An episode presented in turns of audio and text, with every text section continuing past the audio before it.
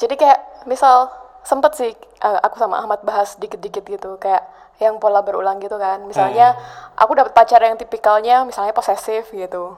Terus aku udah putus sama dia punya pacar lagi tipenya posesif juga gitu. Terus punya pacar lagi posesif juga gitu. Jadi dapatnya posesif posesif posesif terus gitu. Nah kan itu kan berulang-ulang tuh mbak. Terus ada istilah di mana apa Tuman. sudah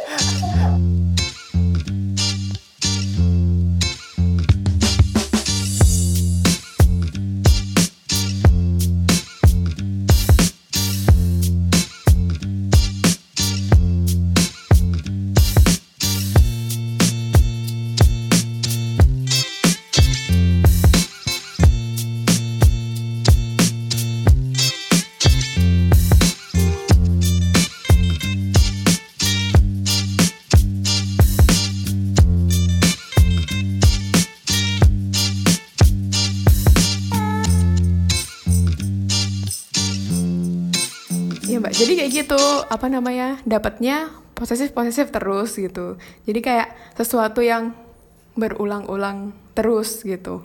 Hmm. Eh, kalau mungkin ada contoh lain ya tentang kayak proses yang berulang itu, misalnya ada pasangan suami istri yang pisah cerai gitu kan, itu ternyata kalau dilihat dari eh, sebelum sebelumnya juga ternyata orang tua mereka juga cerai gitu kan. Hmm, iya ya, juga ada pernah kisah kayak gitu juga sih yang aku tahu gitu. Jadi kayak hal yang dulu tapi kebawa di generasi selanjutnya gitu-gitu. Nah, itu piye mbak? Kayak orang Jawa bilang bibit bebet bobot sebelum memilih jodoh gitu ya. Ini kayaknya. Oh, oh iya. Oh. Eh, gue pernah eh dapat cerita dari teman gue kan.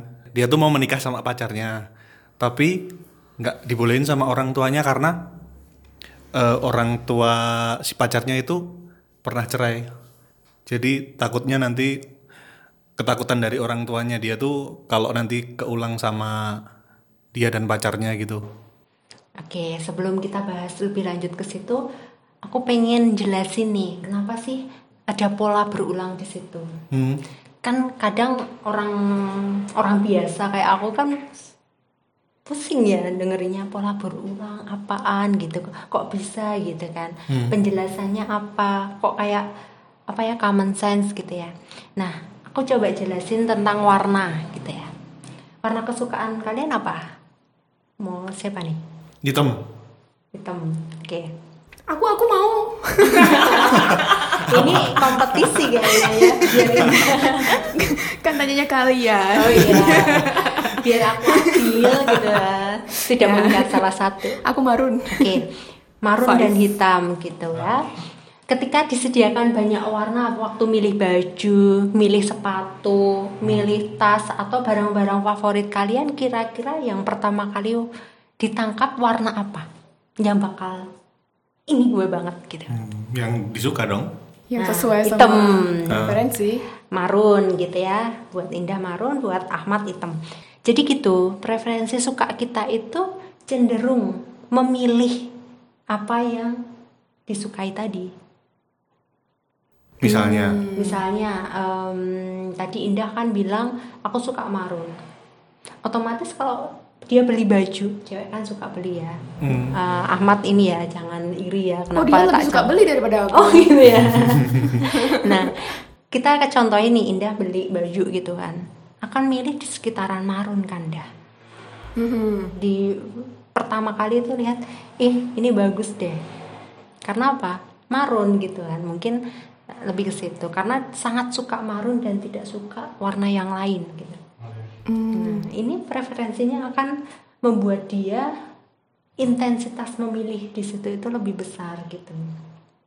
Begitu juga dengan ketika tidak menyukai sesuatu. Ah iya. Hmm, Entah pengalaman tidak menyenangkan apa pun, ketika itu sesuatu yang nggak disuka, pasti akan ditolak mentah-mentah. Pernah nggak sih kalian menghindari makanan yang nggak disukai gitu? Hmm. Kalau gua nggak pernah. Dia sengaja semakanan dulu ya. aku apa ya? Oke, tahu oke. Contohnya gini, Hmm. Em, ada orang yang beneran nggak mau makan sayur brokoli atau sayur hijau. Kenapa? Setelah dirunut, ternyata ternyata dia itu dulu waktu kecil pernah kesedak makan sayur brokoli. Jadi itu pengalaman yang tidak menyenangkan sehingga dia sangat benci sayur brokoli itu dan itu eh, tidak dimakan. Atau mungkin pengalaman ditinggalkan orang tuanya meninggal gitu yaitu ketika eh, ketika kecil dan itu adalah sayur yang sering dimasakkan oleh ibunya gitu kan. Oke. dan ketika di usia yang masih kecil ibunya meninggal karena mungkin sakit kanker atau apa kan dia patah hati sekali ya. Jadi dia akan menghindari sayur itu karena mengingatkan lukanya. Nah di sinilah proses ketidaksukaan dan kesukaan itu akan menjadi preferensi dalam memilih. Begitu juga dengan masalah hati. Ini kan secara fisik ya. Begitu juga dengan masalah hati. Kenyamanan kan yang dipilih. Kamu nyaman sama orang kayak apa sih? Kamu nyaman milih cewek kayak gimana sih, Mat? Kamu nyaman milih cowok kayak gimana sih, Mat? Eh, salah Indah. Aku ngelihatnya ke Indah tapi, tapi ngomongnya awal kamu nyaman sama cowok kayak gimana sih ndah gitu kan. Nah di sinilah kemudian itu menjadi standar yang tetap Hmm. dalam memilih kriteria yang tetap. Sehingga pola itu bisa jadi akan berulang. Apalagi ketika itu diikat. Diikat tuh maksudnya kan tadi kalau letting go melepaskan kan ikatannya dilepas ya. Nah ini kan kita belum bisa letting go dan belum bisa move on. Sehingga terikat dengan hal-hal sejenis dan itu otomatis akan didekatkan. Ketika melihat sesuatu secara screening otomatis akan lebih aware dengan hal-hal yang dibenci atau disukai Disuka. gitu. Begitu juga dengan memilih jodoh. Jangan jauh-jauh deh. Begitu juga dengan gebetan gitu. Oke. Jadi itu terjelaskannya seperti itu. Terus pertanyaannya tadi, eh, saya lupa pertanyaannya Indah atau Ahmad. Bisa nggak itu di apa namanya diputus di apa namanya? Iya, di apa namanya? Eh, tapi ini dulu Mbak, maksudnya kayak kenapa pola pola misalnya nih, apakah kemungkinannya tuh kayak gimana sih? Apa yang menentukan ya ketika misalnya orang tua pisah, terus nanti kan ada ketakutan nih besok, wah jangan-jangan aku nanti juga mirip nih kisahnya nih gitu.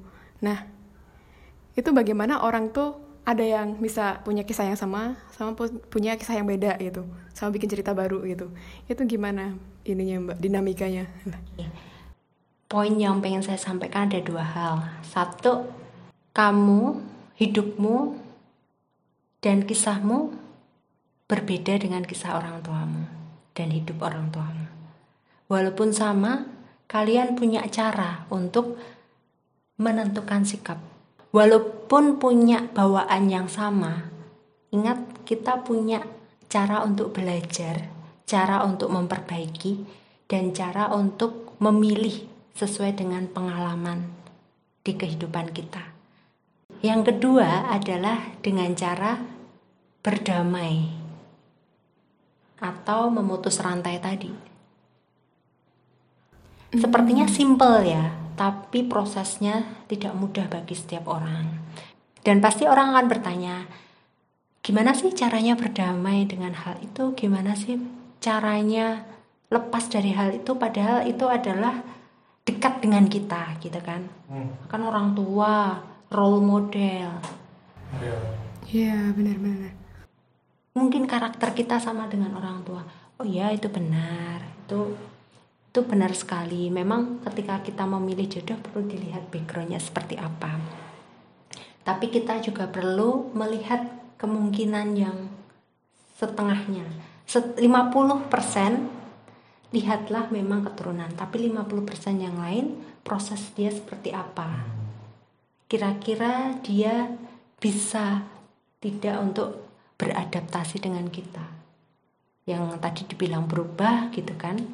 Em, lebih tepatnya mungkin beradaptasi dengan kita. Nah, kalau memang itu sulit, ya mau gimana lagi? Tapi kalau misalkan teman-teman mau memperjuangkan, nah itulah di sini yang perlu di perlu di apa ya? Perlu diperjuangkan juga, perlu diikuti prosesnya. Jadi sebelum melangkah ke sana, satu kira-kira ada keinginan nggak atau willingness nggak untuk berproses bersama melewati fase melewati proses berdamai entah dengan diri sendiri atau berdamai dengan hubungan itu? Yang kedua adalah siap nggak untuk menghadapi tantangan ini gitu? Hmm, ya ya. Jadi proses adaptasi, terus kemauan sama kesiapan untuk berubah gitu ya Mbak. Itu yang dilihat ketika uh, mungkin bertemu dengan orang-orang yang yang broken gitu dari dari latar belakang yang kayak gitu. Mm-mm. Tapi sebelum dengan relasi, masing-masing orang di pasangan itu perlu sadar loh ya kalau mereka perlu berdamai dengan dirinya sendiri. Jangan membebankan. Kalau bilang jangan nanti apa? ya. Bukan tanggung jawabmu untuk mendamaikan Aku. Ah, oke. ya. Ah. Setiap orang punya tanggung jawab masing-masing untuk berdamai dengan dirinya sendiri. Terkadang ini yang sering kali terlupa. Aku pengen dia berubah. Jadi yang pengen siapa? Aku. Hmm. Yang berproses siapa? Gimana maksudnya? Nah, susah. Inilah yang membuat sulit untuk berdamai. Karena kan memang tanggung jawab emosi kita kan kita sendiri. Wong kita yang sensitif ditinggalin, sensitif dengan perceraian orang tua, kok pasangan kita yang harus bertanggung jawab terhadap perceraian orang tua kita? Nah. Kan nggak fair ya.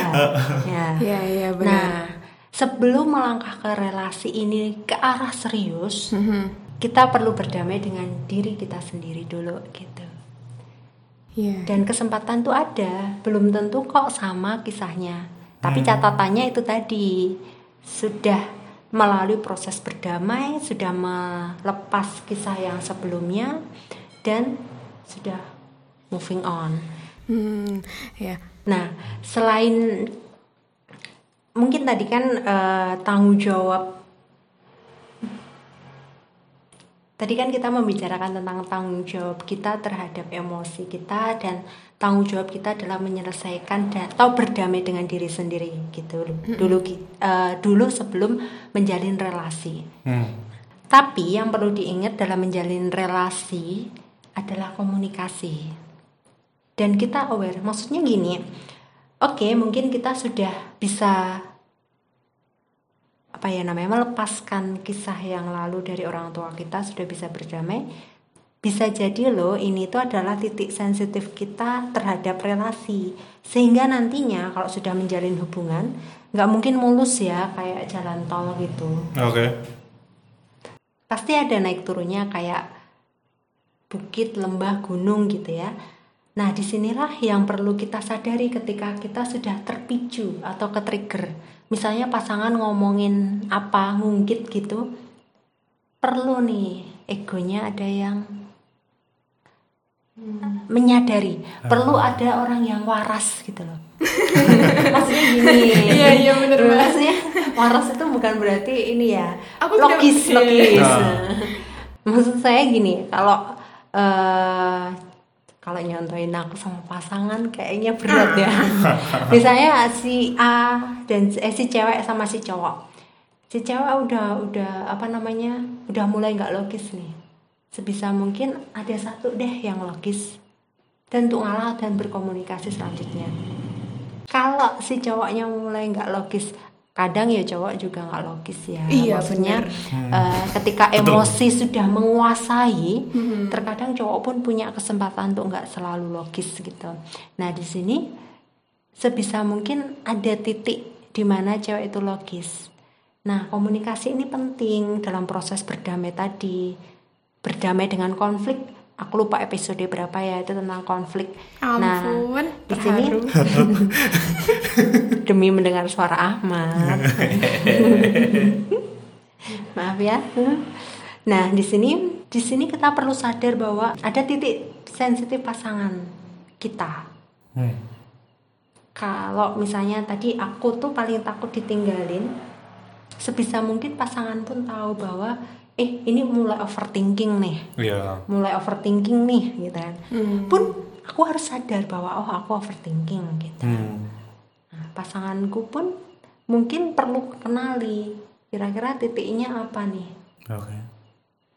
apa misalnya eh, merasa bahwa merasa eh, ibarat kata tidak didengerin gitu kan Hmm. ya udah ketika dia marah-marah sebisa mungkin diem gitu.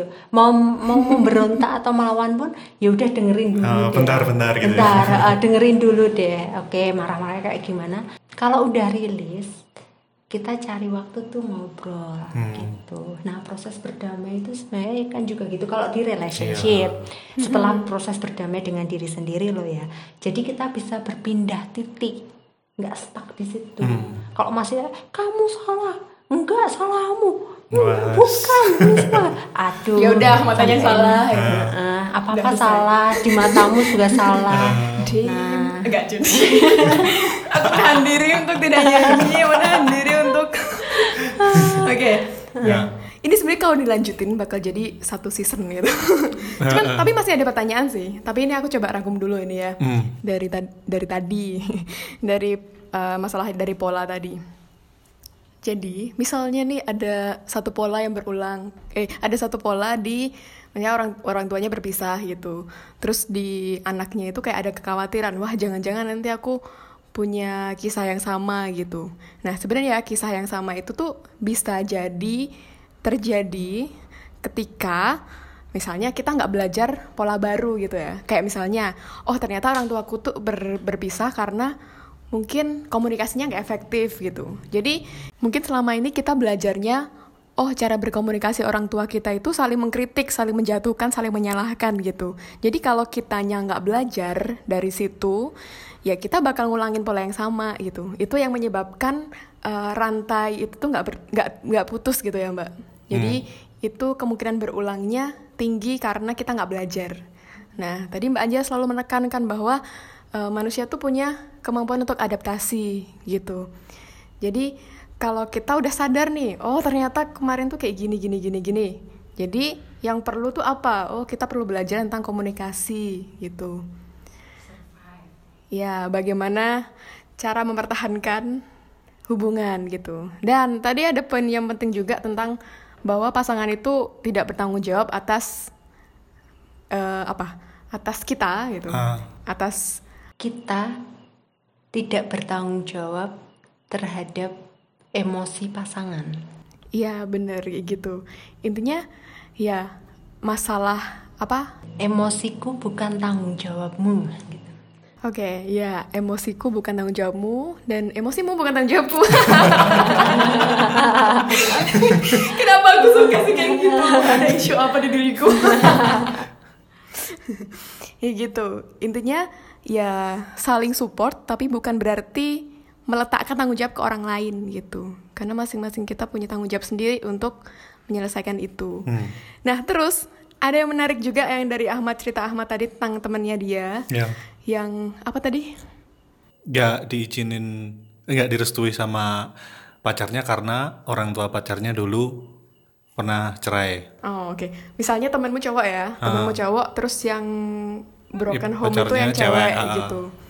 Nah kalau di posisi cewek, menurutku di posisi cewek itu juga apa apa ya kayak gak gak gampang juga gitu karena eh, dengan kondisi yang punya latar belakang yang kayak gitu menurutku butuh effort juga untuk menerima dulu lah nggak malu dulu lah gitu dan kayak kalau kan kita terkenal banget ya tadi Mbak Anjar bilang bebet Bibit, bibit, bebet, bebet, bobot. bobot gitu jadi kayak di budaya kita kan sangat melihat latar belakang itu untuk menentukan kehidupan selanjutnya lah.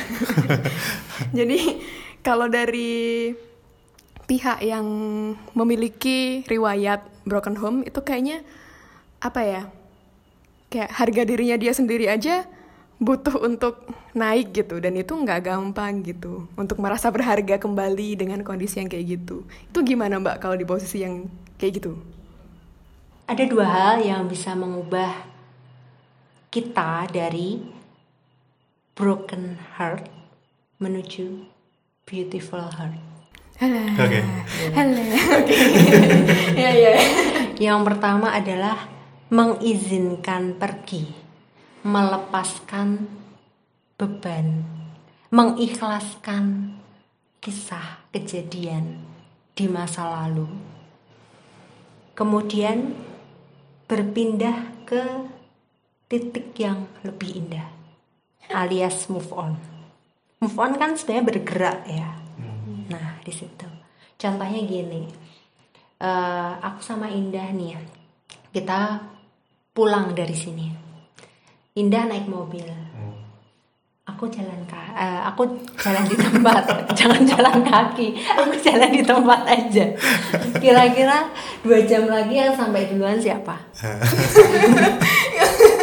udah ditanya itu mbak Dua jam lagi. Nah. Yang sampai duluan Mbak Anjar. Ternyata portalnya Aida udah ditutup.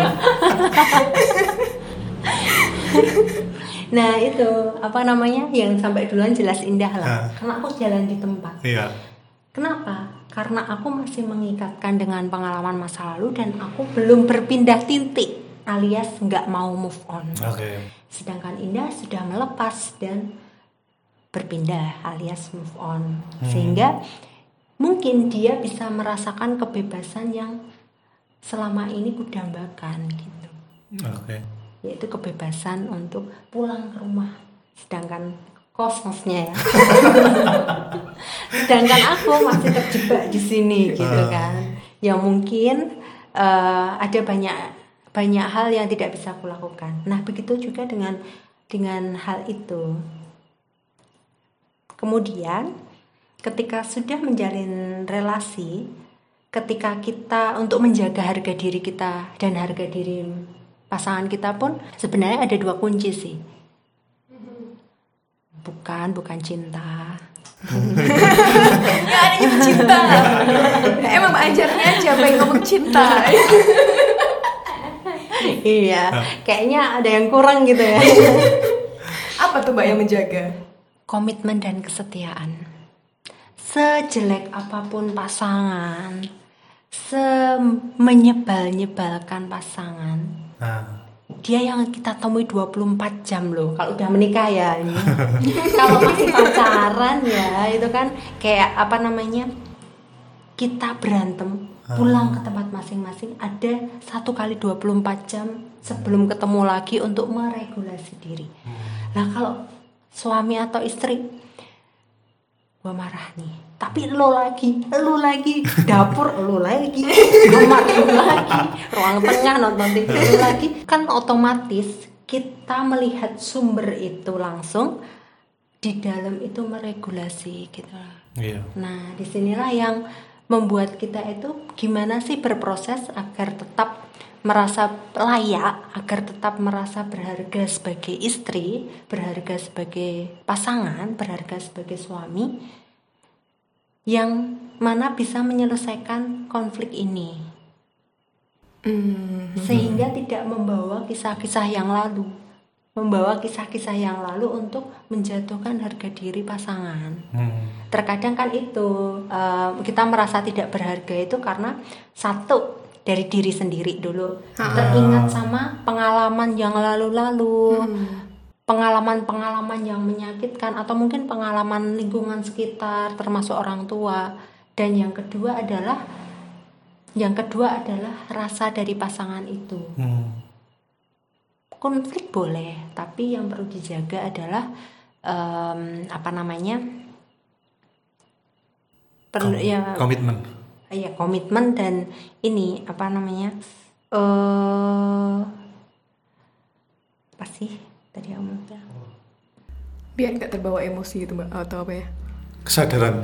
Komitmen. Ah, ah. Iya, kesadaran bagaimana mempertahankan hubungan itu ya komitmen dan kesetiaan ya jadi kayak eh, kita nggak kita melihat deh nggak ada ya yang pasangan sempurna Hmm. malah justru ada sebuah pengalaman gitu kan Eh, si cewek udah cantik pinter kaya berprestasi sempurna banget gitu ya si cowok juga sama sempurnanya kenapa mereka nggak cocok kira-kira Gitu. karena ternyata punya karakter yang sama ketika konflik pertahanan egonya sama Hmm, Harga dirinya sama-sama tinggi. Harga dirinya sama-sama tinggi. Ketika diserang, dia juga nyerang balik gitu kan. Nah, di sinilah yang kemudian membuat lawan kita itu merasa eh, jatuh egonya. Ego lelakinya jatuh, ego perempuannya jatuh gitu.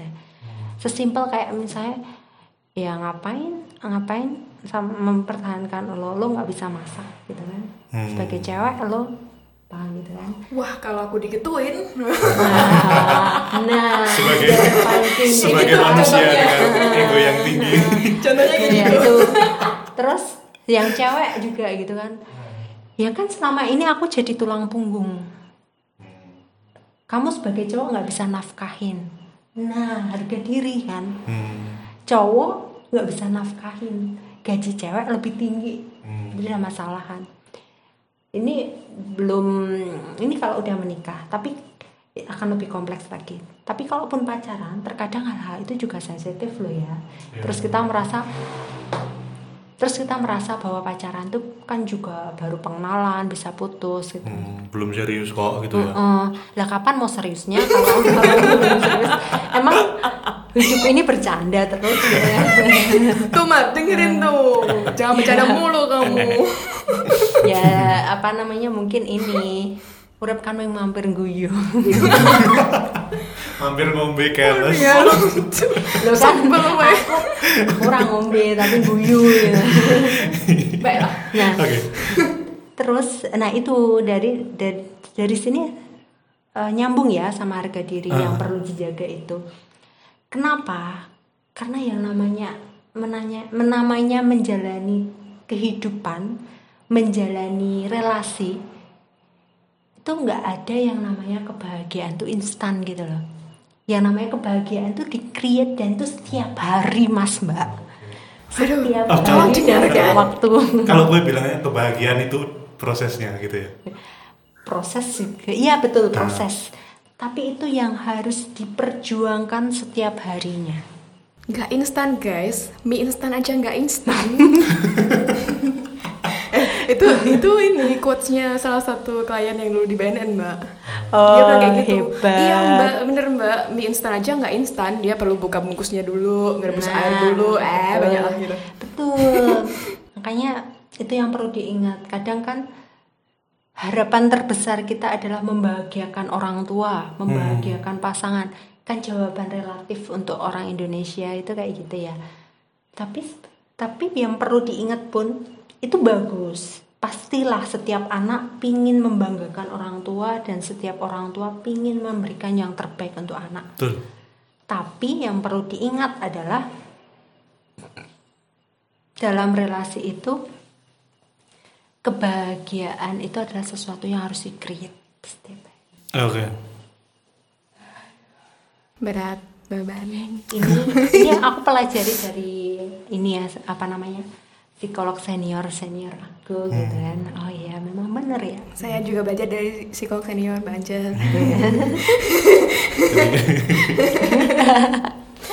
Nah, nah setelah itu bagaimana mengenali harga, bagaimana mem- apa ya namanya membuat selimut di dalam diri kita dalam bentuk menjaga harga diri, harga diri masing-masing maupun harga diri pasangan. Ada proses yang namanya penerimaan. Hmm. penerimaan yang mana mbak? Banyak gitu kan. Penerimaan itu ya datangnya dari diri sendiri sama penerimaan terhadap pasangan. Oke. berbeda nggak apa-apa yang penting satu value. Nah di sinilah awal mula penerimaan. Mau dia tidurnya ngorok mau dia kentutan gitu kan. Tapi ada sisi positif yang membuat itu lebih besar, membuat rasa itu lebih besar Hmm. dibanding kelemahannya dia. Makanya di sinilah kesetiaan dan komitmen berjalan. Dengerin mat. Iya sih. Kesetiaan dan komitmen. Nah, dari situ pasangan yang baik itu seperti apa sih? Jangan bilang seperti aku. Itu lu biasanya kayak gitu. Ini Gak berani aku di sini. ini kayaknya ini ya apa namanya kalau bilang seperti kita gitu kan kayak congkak banget gitu ya. Pasangan yang baik itu adalah pasangan yang memfasilitasi pasangannya untuk berkembang, untuk bertumbuh ke arah yang baik. Maksudnya gini, masing-masing orang pasti berasal dari keluarga Iya. yang berbeda. Kita lihat dulu uh, value dari keluarga, value yang dibawa oleh keluarganya itu seperti apa, value yang kita bawa dari keluarga itu seperti apa, titik temunya di mana, sehingga value itu menjadi dasar membangun suatu generasi, membangun uh, penerus kita gitu kan. Kalau tujuan menikah hanya untuk biar aku nggak kesepian, aduh itu kurang kuat. Hmm. Jadi value-nya apa gitu. Nah, begitu di sini sudah ada value, artinya kita perlu ber apa ya? Tugas kita adalah bersama-sama untuk tumbuh ke arah yang lebih baik. Nah, makanya setiap pasangan itu perlu memfasilitasi pasangannya untuk berkembang, self developmentnya juga jalan perlu dipertanyakan kalau ada salah satu dari pihak itu merasa stagnan nih di sini. Kira-kira ada apa? Hmm, jadi emang perlu ada saling mendukung satu sama lain untuk bertumbuh gitu ya mbak. Itu kriteria utama dalam memilih pasangan. Iya, selama kita bisa bertumbuh, selama kita bahagia dengan apa yang kita lakukan, rasa berharga itu akan semakin meningkat kan. Hmm, iya iya bener-bener. Bener.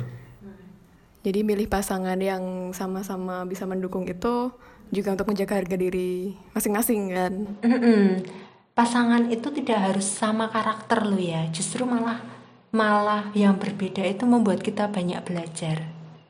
Jadi mungkin ada poin yang bisa dimasukkan dalam memilih pasangan yaitu mau beradaptasi, mau saling beradaptasi, mungkin menerima uh, atau mungkin memahami dan lain sebagainya dan bisa menghadapi konflik bersama.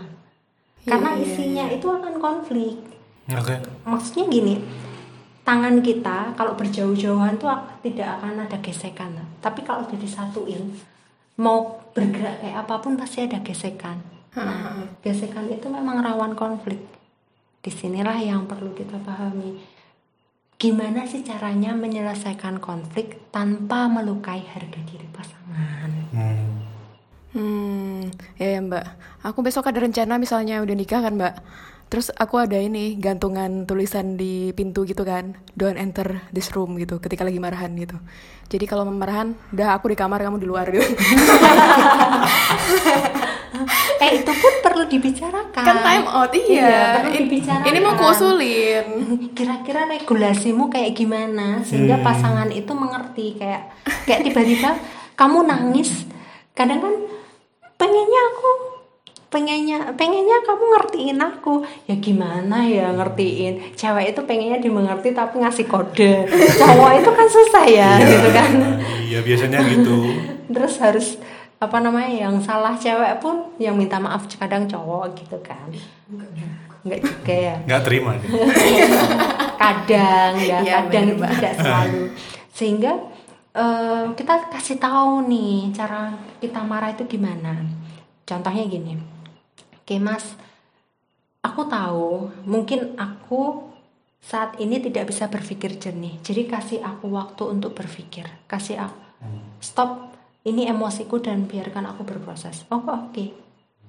Pasangan akan ngerti kan daripada marah-marah nggak jelas dan melukai harga diri nah Atau daripada cuma diem aja tapi ditanyain lu kenapa? Gitu. Ah, iya. Nggak apa-apa. nggak apa-apa gitu. cewek banget ya. Nggak apa-apa. Bukannya cewek itu papa. ya dibalik nggak papa Enggak, papa itu cowok mbak. oh Cewek iya. mama. iya betul ketawa dong aku Tolonglah Astaga, ketawa. Mat. Kamu tuh sama temen tuh saling support gitu loh. Kita Ini, tuh ini di dalam hati tertawa terbahak-bahak. tapi harga dirimu Mat, nanti hancur gitu kalau kamu tertawa. Jadi kalau tadi pertanyaannya adalah kira-kira gimana ya ini aku tertarik sama cewek yang dari keluarga broken home. Kita pahami dulu nih pikiran orang tua. Sebenarnya kekhawatiran orang tua itu apa? Orang tua melarang itu pasti ingin memberikan yang terbaik. Iya. Kira kira-kira orang tua itu pengennya apa sih? Ketika dilarang, hindari untuk serta merta merasa Lebih tahu. "Eh-eh." Hmm. mungkin ada benarnya. Kita cari tahu dulu dari sisi orang tua. Apa sih yang tidak disukai dari pasangan? Apa sih yang dilihat orang tua nggak serak? Apa sih yang masih kurang di pasangan? Mungkin itu yang perlu kita pertimbangkan. Mau diperjuangkan atau disepakati cukup sampai di sini Hmm. aku nggak bilang putus ya karena disepakati itu lebih baik kan berhenti dengan sepakat itu lebih baik daripada Berpisah. berpisah gitu aduh canggihan alat Berhenti dan berpisah. Oke. berhenti itu bukan berarti menyerah. Kalau berpisah kan mungkin agak ke arah menyerah menyerah yang gimana gitu. Jadi kita cari tahu dulu pandangan orang tua seperti apa.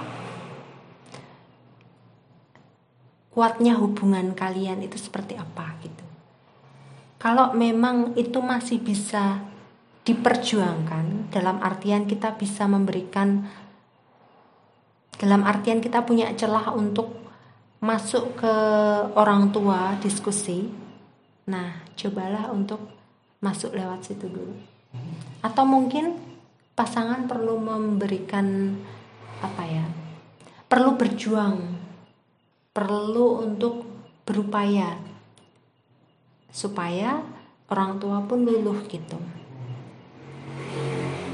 Ya seberapa jauh lu mau berjuang gitu kan? Iya. Kalau misal mau tetap lanjut kan? Mm, karena kan kalau kita berjuang sendiri itu kan rasanya capek ya Iya. dia berhenti tapi akunya berjuang terus gitu kan nah dilihat dulu nih pasangan dari pasangan ini kira-kira orang tua butuhnya apa butuh diyakinkan sebenarnya kan orang tua itu pengennya memastikan bahwa kehidupan anaknya ke depan itu bahagia Iya. dan Iya benar-benar. kehidupan anaknya adalah eh, kehidupan anak kehidupan anaknya di masa depan akan bahagia gitu lah. Nah itu yang perlu diyakinkan ke orang tua, bukan bukan membantah. Hmm. Terkadang kan kita ah orang tua nggak ngerti sih kan sebenarnya kan dia juga bisa berubah bla bla bla bla bla. Terus merasa tidak dipahami. Terus Nah, merasa eh, orang tua kan sebenarnya butuh diyakinkan bahwa Iya, aku baik-baik aja dengan pilihanku loh, ma, pa. Iya iya benar-benar. Ya tadi yang dibilang Ahmad juga kan, emang itu tuh perlu perjuangan dari dua belah pihak gitu. Kayak ya, maksudnya aku aku sedikit dis disclose aja ya. Kayak misalnya, menurutku yang tadi Mbak Anjar bilang poin utamanya itu penerimaan kan sebenarnya. Jadi ketika eh apa ada penerimaan itu tuh ya lancar aja gitu. Sebenarnya kan yang dikejar adalah penerimaan bahwa ya kita tuh diterima dengan kondisi yang kayak gitu gitu. Nah itu juga yang bikin maksudnya bikin orang tuh juga termotiv semakin termotivasi untuk memperbaiki diri sih menurutku dan semakin belajar gitu. Tapi memang balik lagi penerimaan itu memang semuanya mulai dari diri sendiri gitu. Kalau kitanya aja ngerasa wah keluarga gue kayak gini nih, hancur nih, eh, nanti nggak ada yang bisa nerima aku gitu. Kalau pikiran kayak gitu lebih menguasai daripada pikiran untuk eh, bahwa aku nih bisa kok eh, berbeda gitu. Karena mungkin latar latar belakang keluarga itu kan tidak mendefinisikan siapa aku gitu. Kalau yang keyakinannya yang untuk bertumbuh itu lebih tinggi, berarti kan bisa menerima diri sendiri. Nah, itu sebenarnya awal penerimaan orang lain ke kita gitu. Dan itu ya itu sangat pentingnya di situ sih menerima diri sendiri bahwa ya faktanya memang seperti ini keluargaku gitu tapi kan bukan berarti aku juga seperti mereka gitu-gitu dari situ baru orang lain jadi baru bisa paham oh iya gitu, gitu. welcoming and allowing your feels. Oke. Oke, jadi intinya. Speechless. Apa nih? Jadi pembahasan dua season ini kita mau dua menyimpulkan season. Kan mau katanya mau dijadiin Sadar. dua season. bukan season? Eh, dua episode. Dua episode bukan season. Ya biar ini ya four season di di di mana Jepang Jadi intinya eh, dalam pembahasan dua episode ini kesimpulannya adalah silahkan Kak Indah. Buat eh, apa? Leb- biar lebih kena gitu ah, ah. kita bertiga nyebulin masing-masing aja lah. Oke. Kalau dari aku sendiri sih eh, lebih menyerotinya ke bagian yang ya sempat Mbak Anjara tadi ngomong kan broken and beautiful gitu. Jadi bukan berarti ketika kamu broken, ketika kamu apa patah itu bukan berarti kamu tuh nggak beautiful. Lah gimana sih susah. Gitu. Dari apa namanya jadi setiap manusia itu punya kemampuan untuk bertumbuh untuk eh, mengembangkan diri dengan syarat bisa menerima kondisi diri dan juga memiliki keinginan dan juga kesiapan untuk berubah gitu. Jadi bersiap untuk membuka pola baru gitu. Itu dari aku. Oke. bingung gue Dari Mbak Anjar. hati Em, kalau kita ngomongin tentang harga diri pastilah setiap orang itu menjaga dirinya untuk ter- tidak tersakiti. Pastilah kita pengen menunjukkan sisi terbaik dari kita sehingga proses di sini benar sekali kata Indah memang ada proses yang perlu didamaikan dulu untuk menjadi lebih baik, lebih sempurna.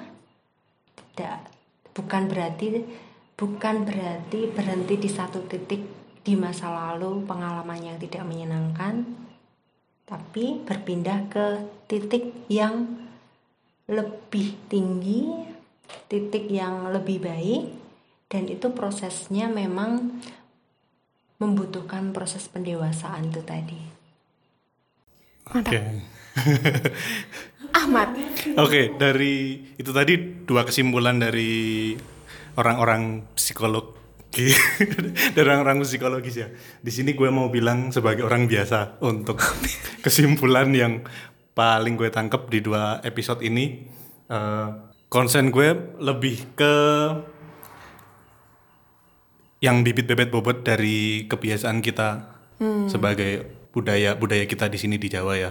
Eh, gua kurang setuju sih misal menyalahkan seorang anak yang orang tuanya berpisah, kemudian kita tidak bisa menerima dia gitu. Karena itu kan perbuatan orang tuanya bukan bukan mendefinisikan dia kalau dia bakal kayak gitu juga kan. Karena kan setiap individu berbeda dan keadaan pun berbeda kan. Dan seperti yang Mbak Anjar bilang tadi, karena setiap orang juga akan tumbuh dan berkembang. Gitu sih. Oke, baiklah. Begitu ya. Dear teman-teman yang merasa seperti itu, eh ya kamu tuh berharga gitu. Karena ya seperti yang sudah dibahas sebelumnya bahwa hal-hal yang terjadi di lingkunganmu, hal-hal yang terjadi di sekitarmu itu tidak mendefinisikan siapa kamu, tapi kemauanmu untuk berubah, kemauanmu untuk beradaptasi lebih tepatnya, itu yang menentukan siapa kamu. Jadi mulailah mencintai diri sendiri dulu sebelum mencintai, orang Sesama. Sesama. kok sama Kirain mencintai yang lainnya. ya udah serius tuh jadi bercanda loh. Aduh. Oke, terima kasih banyak Mbak Anjar atas waktunya. Ah, Di sela-sela kesibukannya yang luar biasa. Iya. Sumpah luar biasa tadi pas curhat ya. Gak bisa, aku sampai nggak bisa bayangin betapa berat. berat beban Tapi jangan kapok ya Mbak Anjar ya besok. oh enggak kan ketemu Ahmad Ah, lagi Eh, Tuh kan, aku nggak pernah dianggap di sini tuh emang. rasa berharga itu memang berasal dari diri sendiri orang Guys, aku matahin matahin pohon-pohonan ya. Astaga Maaf ya. tuh kan quotesku jadi Ah. anti klimaks nih Ulang ulang ulang anggap saja itu tidak terjadi. Oke. Orang bisa berkomentar apa pun tentang diri kita. Lingkungan bisa mendefinisikan kita, tapi tugas kita adalah melindungi dan mencintai diri sendiri. Iya, Oke. benar sekali. Karena emang kita tidak bisa mengontrol orang lain. Note setelah itu patah ya. Iya, tolonglah ini gimana. Aduh, maaf ya. Nanti kamu lem sendiri ya. Ya. ini lempar tanggung jawab nih kayak gini nih. Oke, sekian episode kali ini. Iya. Tapi sebelum sebelum ditutup, Apa? aku mau ngucapin terima kasih juga sama teman-teman yang kemarin sempat menjawab pertanyaan kita yang kalian pengen dibahas apa nih tentang episode-episode selanjutnya gitu. Oke. Oh, pada Ah, jawab? Iya dong, astagfirullah. Ada beberapa masukan dan pas aku baca, wah berat juga. Tapi ada yang lucu-lucu juga gitu. Oh, nantilah surprise ini. Ah. Tapi ada yang rencana udah ada yang akan kami bikin season mendatang gitu. Jadi tunggu aja ya guys. Tunggu aja. Ya begitu. Dan terima kasih untuk Mbak Anjar. Semoga lancar semua urusannya. Hmm. Dan mungkin kapan-kapan bisa lagi lah ya. Maaf cuma dibayar dengan cuma terima kasih. Oke. Ada yang mau disampaikan lagi Ahmad atau Mbak Anjar? Ada ada ada ada. Apa tuh? Gua Ahmad pamit. Anjay. Anjar Sari juga undur diri. Ya udah, dadah. Dadah aku nyebut nama aku sendiri.